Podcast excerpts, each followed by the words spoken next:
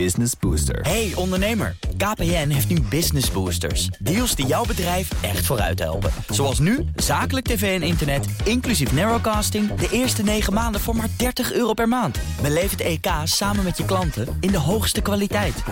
Kijk op kpn.com slash businessbooster. Business Booster. Misdaadverslaggever Peter R. de Vries is neergeschoten en ligt zwaar gewond in het ziekenhuis. Nederland is een narco-staat. De recherche kan de drugscriminaliteit niet meer aan. We spelen een dominante rol in de drugsproductie, softdrugs, maar ook de ecstasypillen. Daarnaast de export naar allerlei omliggende landen uh, is Nederland echt groot in. Steken- en schietpartijen. In heel Nederland bijna toename van 30% En we zien ook dat de jongeren die die delicten plegen jonger worden. Dus uh, dat is erg zorgwekkend. Je ziet best wel veel aandacht voor spiritualiteit, wordt er dan genoemd. In uh, nou ja, alle, allerlei vormen, maar het is heel erg geïndividualiseerd geraakt. He, ieder mag zijn eigen God kiezen of denken dat hij het zelf is. Dat, dat is eigenlijk een soort samenleving waarin we verzeild zijn geraakt. In deze derde aflevering ontleden we de polarisatie en de identiteitspolitiek in Nederland. Het woord polarisatie valt al snel, maar waar gaat het eigenlijk over? En wat zegt dat over onze samenleving? Sociale media spelen een belangrijke rol, maar hoe dan?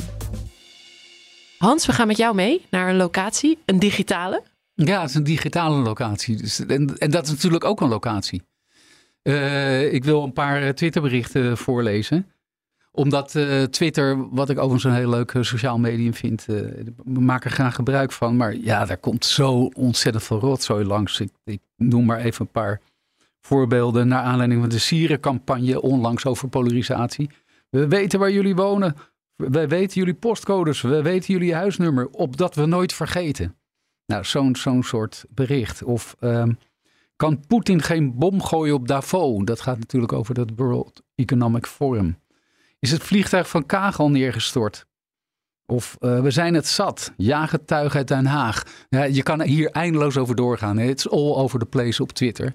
Uh, en dat vind ik helemaal niet fijn eigenlijk om zo'n hele opsomming te gaan geven. En ik denk dat de luisteraar deze locatie, die digitale locatie, best wel goed begrijpt hoe haatdragend en uh, vijandig die eigenlijk zich voordoet.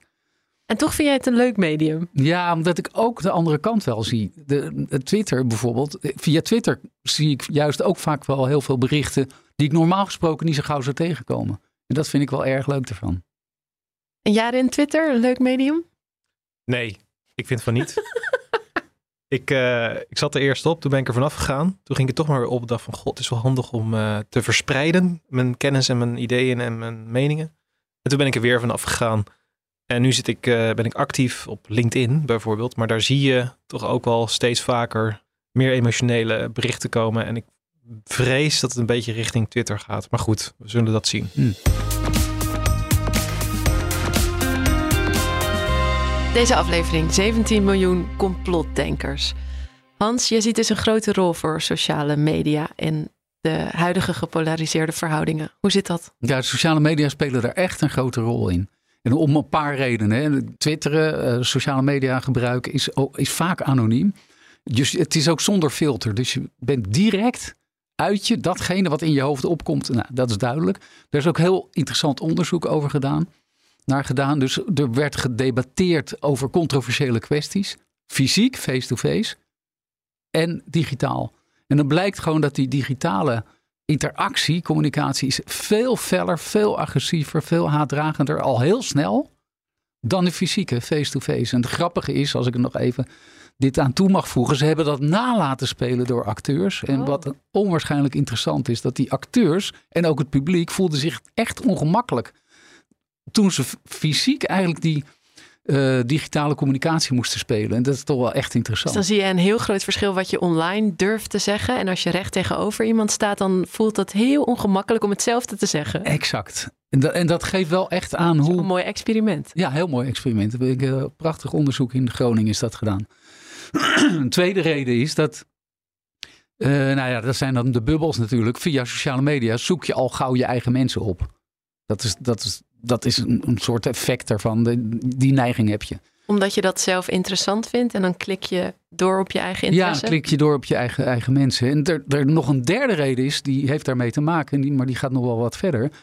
Omdat je ook algoritmisch wordt gestuurd.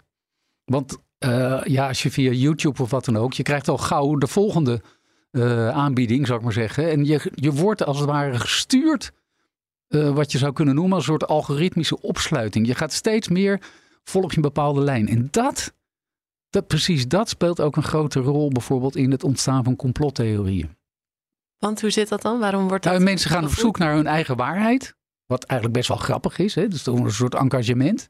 Mensen willen graag zelf onderzoeken en weten. Maar door die algoritmes word je eigenlijk steeds meer gestuurd naar de radicalere opvatting. Of naar de meer emotionele opvatting. Of de aandachtstrekkende opvatting. Zo werkt zo'n algoritme nou eenmaal.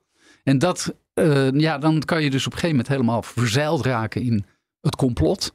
En wat, wat zou een voorbeeld daarvan zijn? Ja, nou rond corona heb je natuurlijk complotten. Wat op het moment heel sterk speelt, is natuurlijk de World Economic Forum. Hè? Dat, dat daar, dat dat de plek is waar uiteindelijk de grote deep state uh, de grote lijnen uitzet. Dus als je die gedachte gelooft en je gaat op zoek daarnaar, dan kan je dat zelf steeds meer bevestigen. Ja, en je wordt er ook steeds meer door bevestigd. Want je krijgt aanbiedingen via het algoritme die dat Ja, en dan vindt een ander, hey, die, een ander vindt dat ook. En hey, op deze website staat dat en dat nog eens uitgelegd. En je bent zelf op zoek.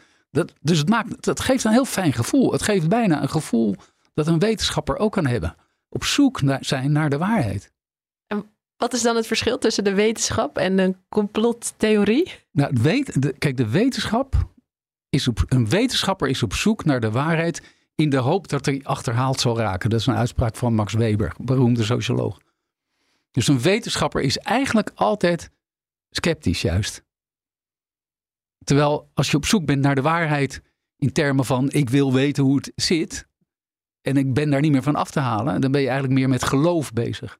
Het is meer de psychologie van het geloven dan de psychologie van de sceptisch, zou ik maar zeggen. Dus dan weet je hoe het zit.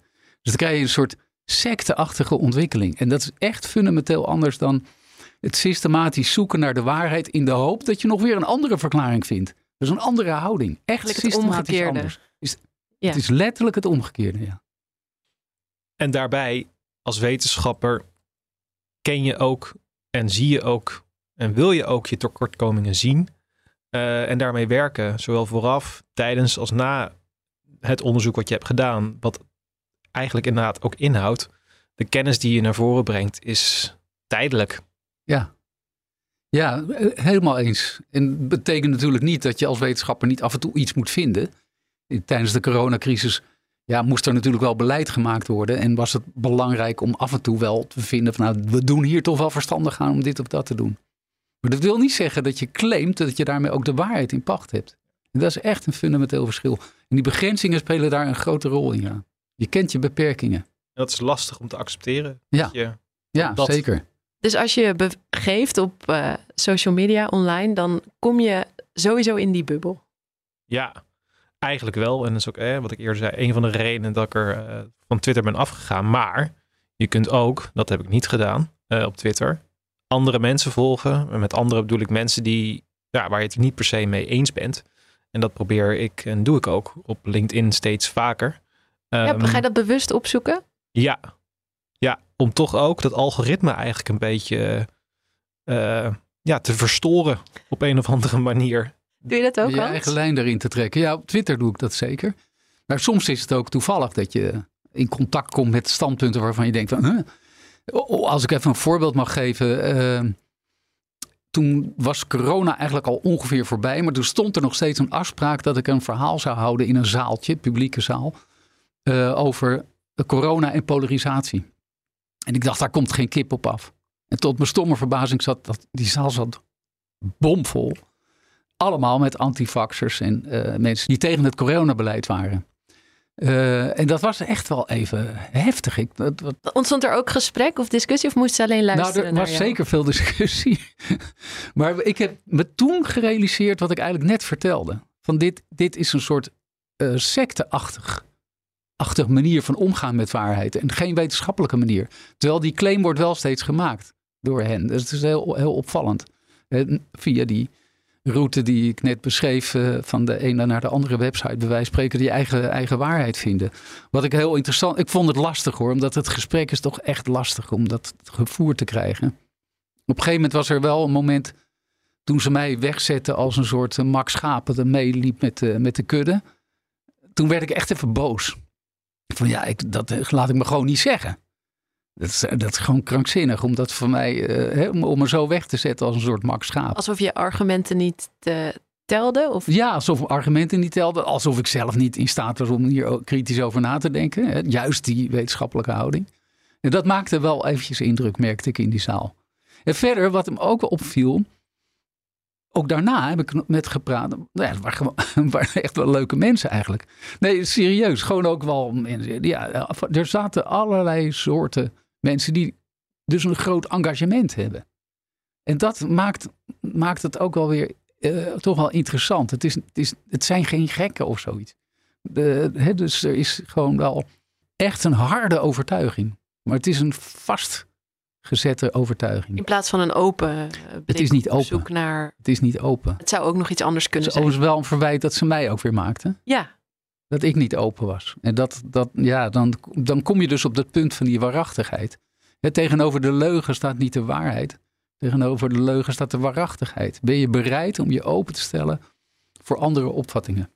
Is dan het verschil, jij zoekt feiten en trekt dan een conclusie. En zij, om even tussen wij en zij, over wij en zij te praten. Polarisatie. Hebben een conclusie en zoeken daarbij de feiten. Cherrypicking. Ze, ze zijn ook wel echt op zoek naar de waarheid. Maar het gaat om die open houding tijdens dat zoeken van die waarheid. Je kan, je kan het als een feit zien dat er rond 9-11 of zoiets, dat er bepaalde dingen waar blijven onopgelost of zoiets. Waarom stortte dat gebouw niet eerder in dan je eigenlijk zou verwachten? Ik noem maar even wat. Hè. Dat wordt dan ook als een soort feit gezien. En daar wordt dan heel veel aan opgehangen. Het is best wel lastig hoor, maar dit is toch wel een belangrijk punt. Misschien gaan we er nu iets te ver op in. Hoe verhoudt het zich dan tot uh, de vraag hoe veilig is Nederland? Wat doet dat daarmee? Nou ja, die polarisatie, om te beginnen merk ik gewoon, dat ik veel contact heb met politie en justitie ook, het slurpt capaciteit, het slurpt energie. De sociale spanningen, maatschappelijke onrust, demonstraties, niet aangemelde demonstraties bijvoorbeeld. Maar ook wel de radicalisering die daarin plaats kan vinden. Ja, want als tot jij aan zegt, terreur aan toe. Polarisatie, waar hebben we het dan precies over? Ja, dat is een belangrijk punt wat je nu aansnijdt. Want het wordt zo gauw gebruikt, hè, dat woord. Terwijl ik ben zelf... Te makkelijk, te gauw? Wordt het, ja, uh... ik vind het te makkelijk, ja. Omdat uh, heel vaak gaat het gewoon om politieke strijd. En dat, ja, een democratie, een vitale democratie moet het juist hebben ook van politieke strijd. Maar polarisatie beschouw ik echt als eigenlijk de omslag in dat proces van strijd, verschil, conflict, noem het allemaal maar op, naar daadwerkelijke vijandschap. En de vijand is een belangrijk begrip in de politicologie. Een vijand wil je niet zien, wil je niet spreken, die wil je verbannen. Minder, minder, minder. Die wil je elimineren, ontmenselijken. Uiteindelijk wil je daar niets mee te maken hebben. Die wil je eigenlijk uit je zicht hebben. En dat is een heel gevaarlijk proces. Op het moment dat dat plaatsvindt, echt ook de, het, het grote verzet tegen andere groepen bijvoorbeeld. Pegida is een voorbeeld daarvan. Hè? Het, het, radicale verzet tegen moslims. Uh, dat vind ik gevaarlijk. En dat kan je polarisatie noemen op een manier die we als samenleving, naar mijn idee, echt niet moeten willen. En ik zie wel ook toch wel een beetje een toename van wat je zou kunnen noemen vijandgedreven politiek. Waarin dus niet het politieke conflict eigenlijk centraal staat, maar de vijandschap centraal komt te staan. Ja, in de genocidestudies uh, spreken ze over verschillende stappen. Sommigen hebben het over zeven, sommigen over negen stappen, waarbij je in een stap 1 een vredelievende democratie samenleving leeft. En stap 9 of 10 is vernietiging. En daarna eh, vernietiging van de vijand. En daarna ontkenning van die vernietiging van de vijand. Nou goed, het is heel extreem. Maar die tussenstappen, daarin zie je veel overeenkomst met wat jij net beschrijft ja. als, als ja. polarisatie. Uh, waarbij toch ook wel uh, ja, geweldsuitingen van in eerste instantie een, een minderheid meer gemobiliseerd wordt, ja. georganiseerd wordt en zich steeds gewelddadiger richten op wat die minderheid dan de vijand vindt. Ja. Je kan daar natuurlijk best wel veel voorbeelden van zien. Hè? Bijvoorbeeld de bestorming van, de, van, de, van het kapitool in Washington was daar echt een voorbeeld van. Hoe dat gemobiliseerd wordt, die vijandschap eigenlijk gemobiliseerd wordt. Ja, ja. Je ziet het ook wel kleiner. Hè? Bijvoorbeeld ja, met een fakkel voor het huis van een politicus gaan staan. Dat is echt wel een vijandige uh, actie. Uh, en dat is heel klein. Maar naarmate dat gemobiliseerd wordt tot iets groters. Uh, ja, daar, daar, is, daar zijn echt wel risico's in. Op het moment dat mensen gaan denken bijvoorbeeld over het opstarten van een gewapende militie. Dat komt gewoon voor. Hè? Dat zie je gewoon op de verschillende media, sociale media en kanalen kan je dat vinden. Nou, dat gaat wel ver hoor. En, en dat is precies, dat zijn allemaal tekenen van een soort polarisatie die we naar mijn idee als samenleving echt niet moeten willen. En daarin zit ook de relatie met de veiligheid. Oké, dat is dus dat begrip, polarisatie. Maar in je boek, Hans, Het Nieuwe Westen, spreek je over de strijd om de sociale verbeelding. Die polarisatie, die zie ik tegen de achtergrond van identiteitspolitiek. Maar het, de, het Westen verkeert in zekere zin in een soort identiteitscrisis. Om allerlei redenen. Waar staat het Westen nou eigenlijk voor? Het Westen, zoals we dat altijd uh, hadden als een soort, soort model waarvan ook gedacht werd van nou dat is het model wat uiteindelijk uh, mondiaal uh, zal, ingevoerd zal gaan worden. Dat is gewoon niet meer zo. Het Westen is eigenlijk best wel in de verdediging en tot op zekere hoogte ook wel terecht. Dat we ons steeds meer realiseren dat het koloniale verleden echt toch wel een heel dramatische fase is geweest in de, in de, in de, in de mensheid, zou ik maar zeggen. Uh, ja, dat is wel van belang. Als Westen zijn we een beetje in de identiteitscrisis verzeild geraakt, waarbij we eigenlijk de strijd voeren over wat is het Westen nou eigenlijk? En dat heeft heel veel te maken met, met identiteit. En dat is kenmerkend voor deze tijd. Uh, dus waar je, als je, vaak is het handig om een beetje te vergelijken met wat, waar we vandaan komen. We hadden dat in Nederland, dat verzuilde landschap, hè, die grote ideologieën, die grote verhalen. Dat waren een soort totaalpakketten. Met een mensbeeld en een maatschappij. Kon je gewoon instappen. Wat je ouders ook deden, ja. kon je gewoon mee. Je was een vervolg daarvan. Je was het product eigenlijk van, van zo'n zuil. Van zo'n. Ja, ik heb dat Sportclub. Zelf. Sportclub, uh, ja, absoluut. Dus dat, dat was een soort van zelfsprekendheid. Totaalpakket. Nu is dat anders. Hè? Zijn we daarin veranderd? Redeneren we meer vanuit onszelf? Heel erg gefaciliteerd natuurlijk door sociale media. En gaan we op zoek naar onze medestanders. Vaak op basis van hele primaire kenmerken. Huidskleur bijvoorbeeld. Of seksuele geaardheid of wat dan ook. Dat is identiteitspolitiek. Nou, dat kan je heel treurig vinden. Maar je kan ook zeggen, nou, zo is het nou eenmaal. Maar we staan, uh, denk ik, als westerse samenleving toch wel een beetje terug tegen de muur. Geopolitiek, het klimaat, niet te vergeten. Het klimaat is natuurlijk toch echt wel, problematiek is echt wel voortgevloeid uit de ontwikkeling van het kapitalisme. Wat het kapitalisme weer vervolg op het kolonialisme. Ik wil hier niet een echt radicaal links verhaal gaan houden, maar dat wel iets wat we ons steeds meer realiseren. En ik vind het dus ook in die zin heel begrijpelijk dat het Westen op de knieën gaat voor zijn koloniale verleden, excuses aanbiedt.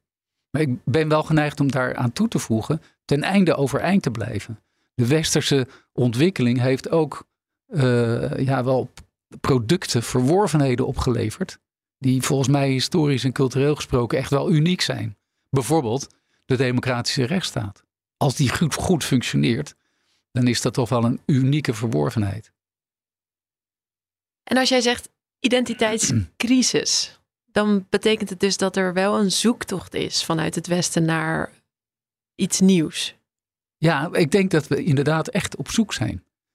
Wat wat, wat, wat is de volgende fase? We hebben de afgelopen, na die ontzuiling, hebben we zo'n tijd gekregen van uh, heel erg, neoliberaal wordt dat dan genoemd, uh, veel markt.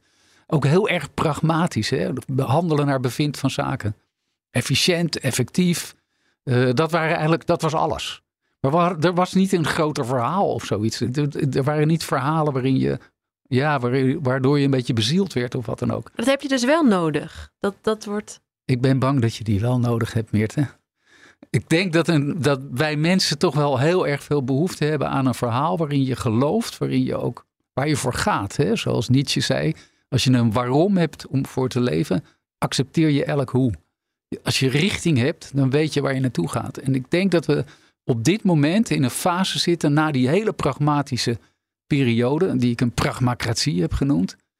Die hele pragmatische periode, dat we echt nu op zoek zijn naar wat is het vervolg, op wat voor manier kunnen we de sociale verbeelding, vandaar dat begrip, weer voor ons laten werken. En dat je dat dus mist op dit moment in de samenleving. Zie je dat in de veiligheid van Nederland? Nou, daardoor is de samenleving wel heel erg losjes geworden. Op staat een beetje op losse schroeven, laat ik het zo zeggen. Een beetje labiel. Kwetsbaar daardoor ook. Ook kwetsbaar voor gevaren van buitenaf. Uh, bedreiging van buitenaf. Iets waar we in de volgende aflevering over gaan praten. Uh, dit is natuurlijk wel een, een, wel een precaire situatie. Als je als samenleving, en dus in ons geval westerse samenleving, niet goed weet waar je eigenlijk voor staat, wat je te verdedigen hebt, dan wordt het echt wel lastig om daar ook tegen bedreigingen een helder verhaal terug te hebben. En ik denk dat dat heel erg belangrijk is dat we dat verhaal of die verhalen. Er is niet zomaar een verhaal, maak maar eens een beginnetje. Maar de, verhalen die ons uh, steunen, ruggensteun geven, ik denk dat het heel erg belangrijk is. Hans, um, hebben we ooit wel een verhaal gekend dan hier in Nederland? Want als je kijkt naar het gedoogbeleid waar we het eerder over hadden, dat was ook een soort. Ja, je hebt gelijk. Dat, maar ik heb, heb de neiging om iets verder terug te kijken. Uh, nogmaals, als je het over die verzuilde samenleving hebt, dat waren echt grote verhalen. Dit is ook wel in de filosofie, de, de Lyotard en zo. De, de, de, periode van de grote verhalen is vanaf de jaren 70, 80, 90 eigenlijk beëindigd. En geleidelijk aan, daar is die pragmacratie voor teruggekomen. Dus ja, grote verhalen, ik denk wel dat we die gehad hebben. Dat, dat, dat, en en ik pleit absoluut niet voor teruggaan daarnaar. Maar we, we moeten wel een beetje basisovereenkomsten wel zien te vinden. Met elkaar in een samen, Met elkaar een aantal betekenissen die we delen. Ja, die we van belang vinden. En ja, de huidige gefragmenteerde politiek en ook uh, sociale media faciliteren dat ook wel een beetje. Dragen daar nou niet zo heel erg aan bij. Want die identiteitscrisis, zou je dan kunnen zeggen dat dat een voedingsbodem is voor zoiets als complottheorieën? Ja, omdat mensen zijn heel erg op zoek naar, naar die verbeelding. Die, die willen weten hoe, hoe de wereld in elkaar zit. En op het moment dat die wereld eigenlijk niet, zijn vanzelfsprekendheid verliest, dat is de identiteitscrisis van het Westen, gaan mensen daar zelf naar op zoek. En dat is heel erg begrijpelijk. Daarom vind ik ook het van belang om te onderkennen. Er zit een soort engagement in, in die ontwikkeling. En dat, dat engagement, dat, dat geeft mij tot op zekere hoogte wel een soort uh, hoop. Stemt me iets optimistischer. En toch is het dan niet zo dat we massaal teruggaan naar religie?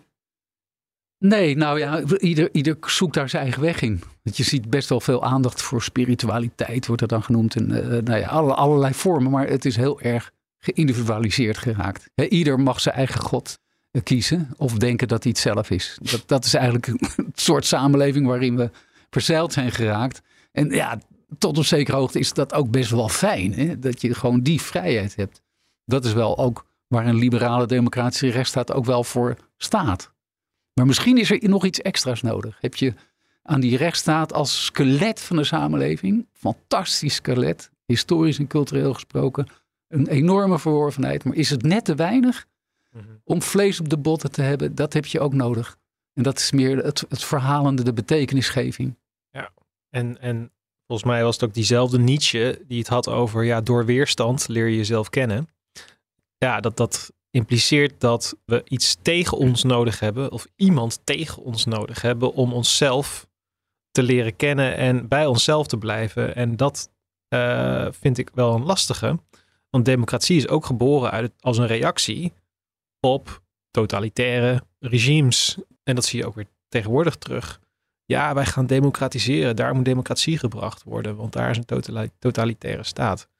Dus ik, ik vind wel dat met dat grote verhaal waar we naar op zoek zijn, met de lessen uit het verleden, want er waren in het verleden ook echt heus wel grote verhalen. Uh, handelsmentaliteit, VOC-mentaliteit, dat was het grote verhaal van Nederland. Nou, allerlei soorten verschrikkelijkheden later weten we dat dat eigenlijk ook niet het grote juiste verhaal is. Dus ik denk ook dat als we weer naar zo'n nieuw groot verhaal gaan, dat we wel moeten beseffen, ja, maar het is niet en nooit absoluut. Het is, hè, wat je eerder al zei, waarachtig. Mm. Ja. Uh, ik vind het dus wel, dat is ja. blijvende. Uh, maar zou die weerstand tot op zekere hoogte nu ook niet voortvloeien uit de geopolitieke verhoudingen? Onder andere. Hè? is, is het niet zo dat de Oekraïne-oorlog die verschrikkelijk is, tegelijkertijd ook wel iets meer ons doet beseffen wat die democratische rechtsstaat eigenlijk waard is. Nou ja, het is zelfs het verhaal van Oekraïne zelf. Wij vechten hier voor jullie democratie, wordt er gezegd. En daar ben ik het deels wel mee eens. Ja. Alles staat wel weer op scherp. Zeker weten we waar. Maar ja, is er zoveel lijden voor nodig? Die bedreigingen gaan we het, als ik het goed heb, volgende keer over hebben. Klopt. Aflevering 4, de Lauwe Oorlog.